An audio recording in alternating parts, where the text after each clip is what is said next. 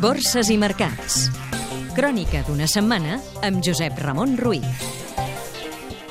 En una setmana marcada per l'ofensiva global perquè Europa apliqui mesures i polítiques econòmiques expansives pel paquet d'ajudes d'estímul a l'economia sense precedents del Banc del Japó i també pel començament esperançador de la temporada de resultats del primer trimestre, la borsa espanyola, com la resta d'europees, ha tancat a l'alça.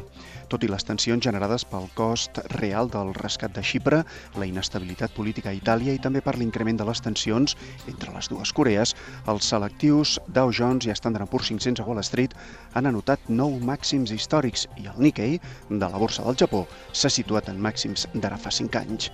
Aquí, l'IBEX 35, que ha viscut aquesta setmana la segona millor sessió de l'any, tot i les exigències de Brussel·les de més reformes, ha pujat un 3,10% i se situa en els 8.040 punts, animat per una sensible millora del mercat del deute, un deute que des del passat 8 d'abril ha debutat en borsa.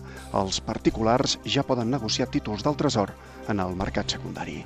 Des de l'1 de gener, el parquet espanyol, que ha inclòs Xastel en substitució de Bànquia, acumula però uns números vermells d'un 1,56%. Cotitzades catalanes.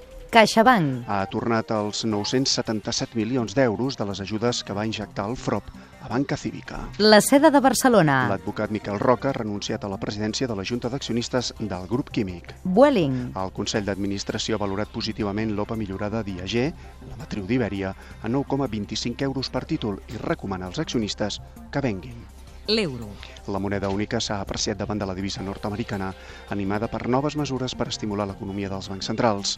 Aquest divendres, el Banc Central Europeu n'ha fixat el seu canvi oficial a 1,3052 dòlars. El patron. El futur del barril de cru tipus Brent, el de referència a Europa, s'ha abaratit fins als 101 dòlars i mig, la setmana que l'OPEP, l'Organització de Països Productors i Exportadors de Petroli, ha revisat a la baixa la seva estimació de creixement de la demanda mundial de cru per aquest 2013 en 40.000 barrils diaris. Vocabulari financer. Què és una OPA? Una oferta pública d'adquisició? És una operació mitjançant una persona física o jurídica ofereix als accionistes d'una societat cotitzada comprar les seves accions a un preu determinat i que habitualment és superior a la cotització del mercat.